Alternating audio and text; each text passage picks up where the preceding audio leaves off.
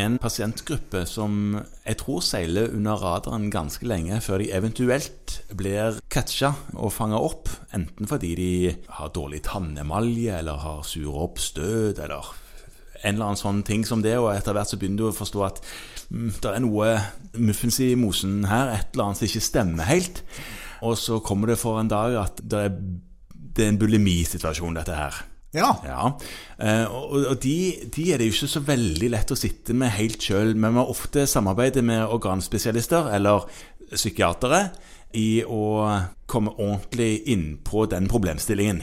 ja. Det er ikke alltid helt rett fram. Nå var du inne på noe viktig, fordi at dette er en diagnose som vi nok ofte overser. Ja, jeg tror det. Livstidsprevalensen er mellom 1 og 2 Ja, og, og, og er tippene vekta kraftig over mot kvinner, eller stemmer ikke det? Eh, Jo, men det er mange, mange flere menn enn det du tror. Ja. Fordi at menn har nok et noe større barriere for å ta kontakt og søke hjelp for dette.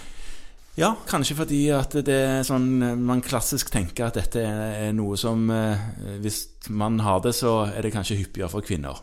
Og at det derfor er vanskeligere for menn å søke hjelp. Ja, Men det er jo hovedsak kvinner likevel. Det, Men hva gjør du med disse her, da? Tenker du at henviser de jo til en enhet for spiseforstyrrelser eller til en psykologisk behandling. Ja. Og minner om at i mange kommuner og byer så finnes det frivillige lavterskeltilbud for spiseforstyrrelser. Mhm. Som det kan være greit at kontoret vet om. Ofte opplever jeg at pasienten informerer meg om sånt, fordi at eh, de har vært på, på interweben og, og funnet informasjon. Helt riktig. Og min erfaring også med denne typen eh, problemstillinger er at det å bare ha klart å stikke hull på bullen og snakke om problemet, er et kjempestort første skritt i riktig retning. At da er en del gjort. Ja, det er. Jobben er ikke gjort, men selvfølgelig noe er starta. Ja, Ja. Eh, og så, så må man jo gjøre en grundig medisinsk vurdering, og, og de skal ha hatt et visst vekttap. Jeg tror ikke vi skal bruke masse tid på å gå gjennom alle disse kriteriene for henvisning. Det Nei. viktige er må, at man på en måte er observant på at diagnosen fins, og at Mm. man åpner opp for å snakke om den. Ja, og det, er grunnen til at jeg eh, snakket om dette akkurat nå, var fordi at hva, hva, hva gjør jeg, liksom? Hva medisinsk behandling kan jeg støtte opp med i tillegg til den andre behandlingen som du snakket om nå? Og er det noe der? Ja, Der er det noe som, som ikke er nytt, men som for mange kanskje er litt ukjent. Ok.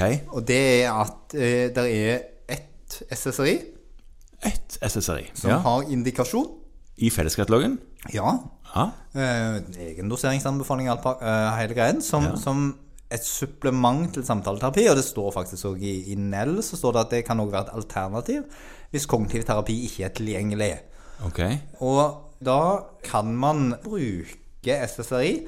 Og nå, nå kan det nok være sånn at det er flere enn fluoksetin, som dette virkestoffet er, som er eh, mulig å bruke. Men det er i hvert fall det der er gjort nok studier til at man sier at dette har indikasjon ved bulimia nevrosa. Og hva effekt kan man forvente av eh, noe sånt? Og, altså doser, man, Er det lavest mulig dose, eller må man titrere opp litt? Grann, Man skal eller? titrere seg opp til, til 50-60 milligram.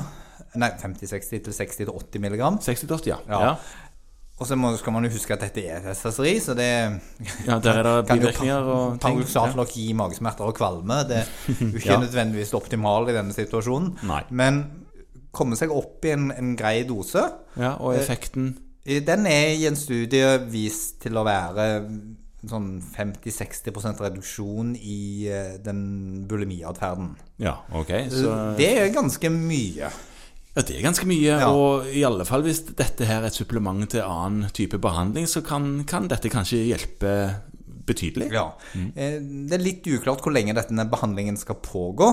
Eh, Det er nok ikke en varig behandling, og Nei. ser nok for seg at den kanskje er kortere enn en del andre tilstander der man bruker SSRI-er. Men det kan være litt greit å vite at den muligheten fins. Ja. Kanskje særlig hvis ikke pasienten er tatt godt hånd om av en sånn stor tverrfaglig eh, enhet for spiseforstyrrelser, eh, men der man sitter med litt mer ansvar for oppfølgingen selv. Ja,